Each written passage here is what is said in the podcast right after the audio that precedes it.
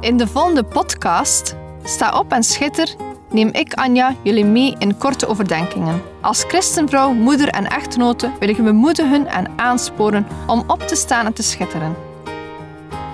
We zijn niet gemaakt om in Gods koninkrijk stil te zitten en niets te doen, maar om op te staan en dienstbaar te zijn. In de eerste plaats over God, daarna over ons gezin, onze partner of onze geloofsgenoten. En als gevolg zullen we dan ook schitteren in de wereld. Neem je Bijbel bij de hand, want zonder Bijbel zijn we als een kok zonder eten of een zanger zonder stem. Dus luister naar, sta op en schitter.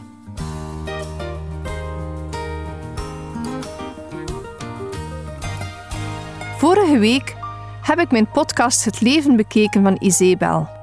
Een vrouw met een slechte reputatie. Eigenschappen van deze vrouw waren vreedheid, hebzucht, ijdelheid en manipulatie.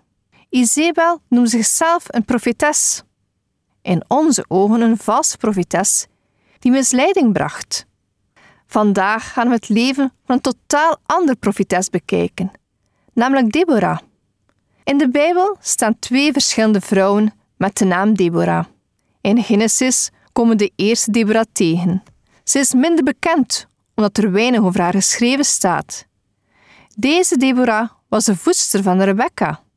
Ze stierf op hoge leeftijd in Bethel en werd begraven onder een eik, die men daarna de eik van Geween noemde. De tweede Deborah uit de Bijbel is bekender.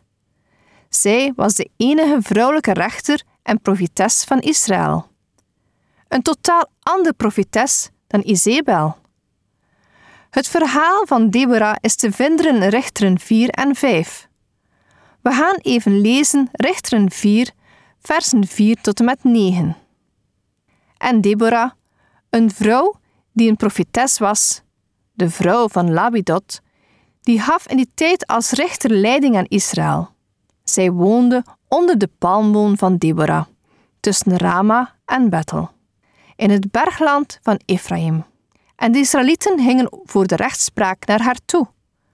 Zij stuurde een bode en liet Barak, de zoon van Abinoam, uit Kedes Naphtali roepen en zei tegen hem: Heeft de Heere de God van Israël niet geboden? Ga, trek op naar de berg Tabor en neem tienduizend man met u mee, van de nakomelingen van Naphtali en van de nakomelingen van Zebulon. Dan zal ik bij de beek Kison, Sisera, de legerbevelhebber van Jabin, naar u toetrekken met zijn strijdwagens en zijn troepenmacht. En ik zal hem in uw handen geven. Toen zei Barak tegen haar: Als u met mij mee zult gaan, dan ga ik. Maar als u niet met mij mee zult gaan, dan ga ik niet.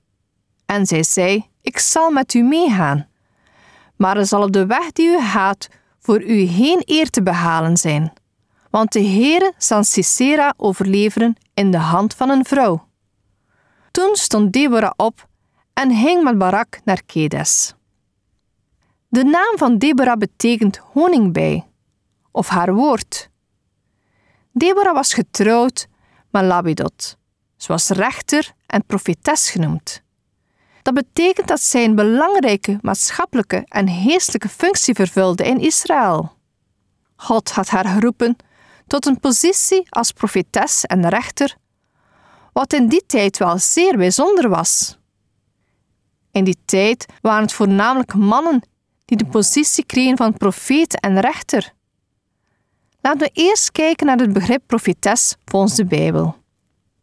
Een profetes is een verkondigster van Gods woord. Deze taak kies je niet zelf. Het is een roeping van God.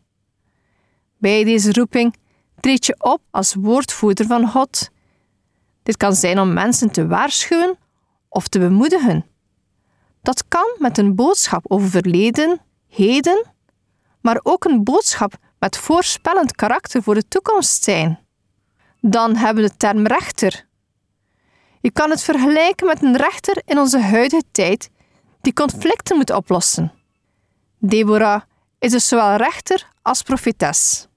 Ze leefde in de tijd dat het volk Israël in het beloofde land woonde, maar moeite had om zich aan Gods regels te houden.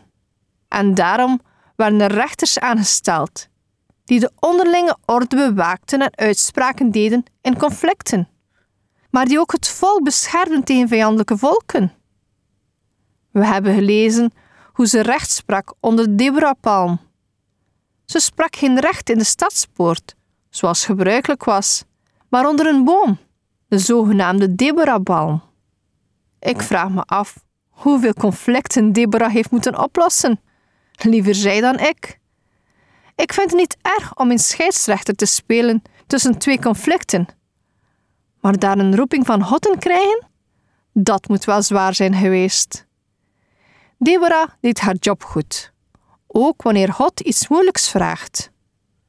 Op een gewone dag, terwijl ze haar taken als rechter uitvoerde, bracht Deborah Gods boodschap over aan Barak. Niet zomaar een boodschap. Ha, trek op naar de berg Tabor en neem 10.000 man met u mee. Van de nakomelingen van Naphtali en van de nakomelingen van Zebulon.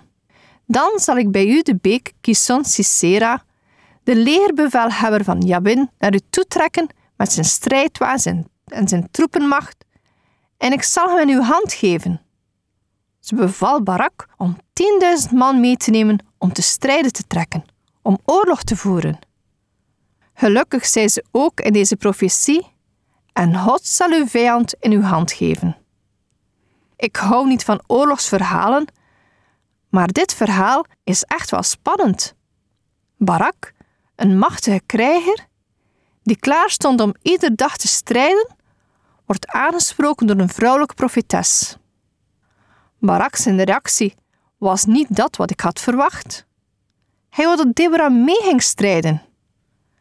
Ik stel mij de vraag waarom Barak dit deed. Had hij angst?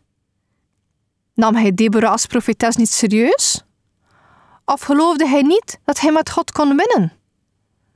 Het is een opmerkelijke actie dat Barak alleen de strijd aan wil gaan als Deborah meegaat in de strijd. Het was voor die tijd zeer vreemd om vrouwen te laten meevechten in een oorlog.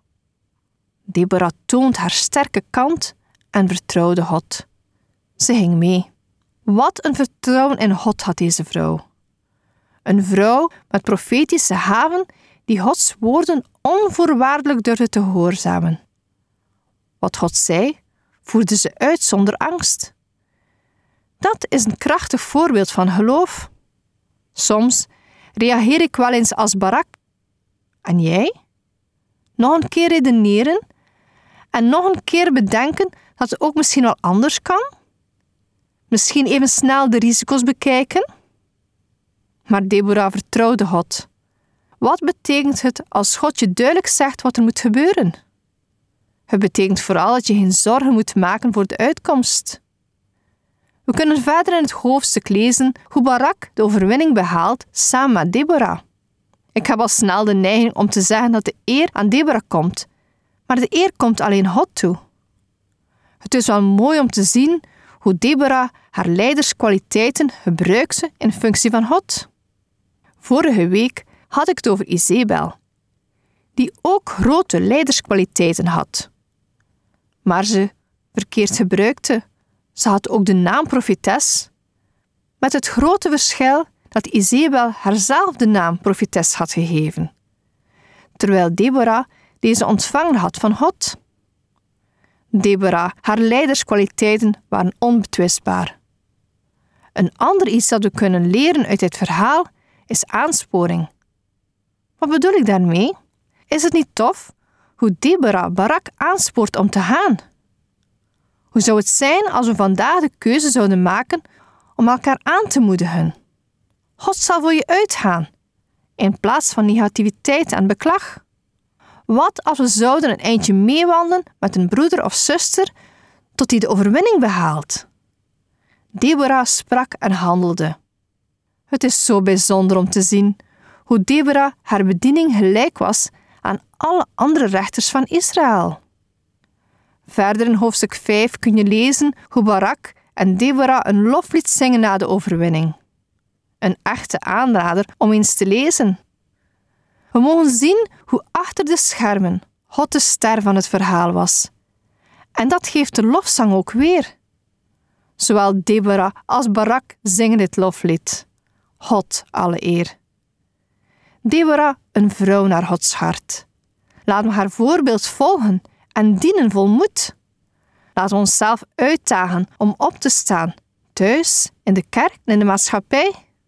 Deborah was en is ons nog steeds een voorbeeld van een godsvrezende vrouw, vol gehoorzaamheid. Haar gehoorzaamheid had grote gevolgen. Als we verder lezen in Richteren, kunnen we zien dat het land 40 jaar vrede kende. Een gevolg van het optreden van Deborah. Het is hoog tijd dat wij christenen op gaan staan om te doen waartoe God ons geroepen heeft. Ga de uitdaging aan om een licht in de duisternis te zijn voor het koninkrijk van God. Misschien denk je wel dat de tijden anders zijn. Besef dan dat Deborah in een zeer moeilijke tijd leefde. Het volk leefde al twintig jaar in onderdrukking en in die tijd ging Deborah gaan staan. Ze volgde de roeping van God. Ze ging niet alleen gaan staan, maar ging mee in de oorlog. Ze stopte niet bij het spreken, maar gaf haar geloof handen en voeten. Door dat te doen, volgden ook anderen om te strijden te trekken. Wordt het geen tijd dat wij gehoor geven aan onze roeping? De Bijbel staat vol met haven die God ons wil geven. In de uitzending van volgende week ga ik verder in op de haven. Sta op deze week en draag de hoop van Jezus uit. Schitter, zodat mensen jaloers worden op wat jij hebt.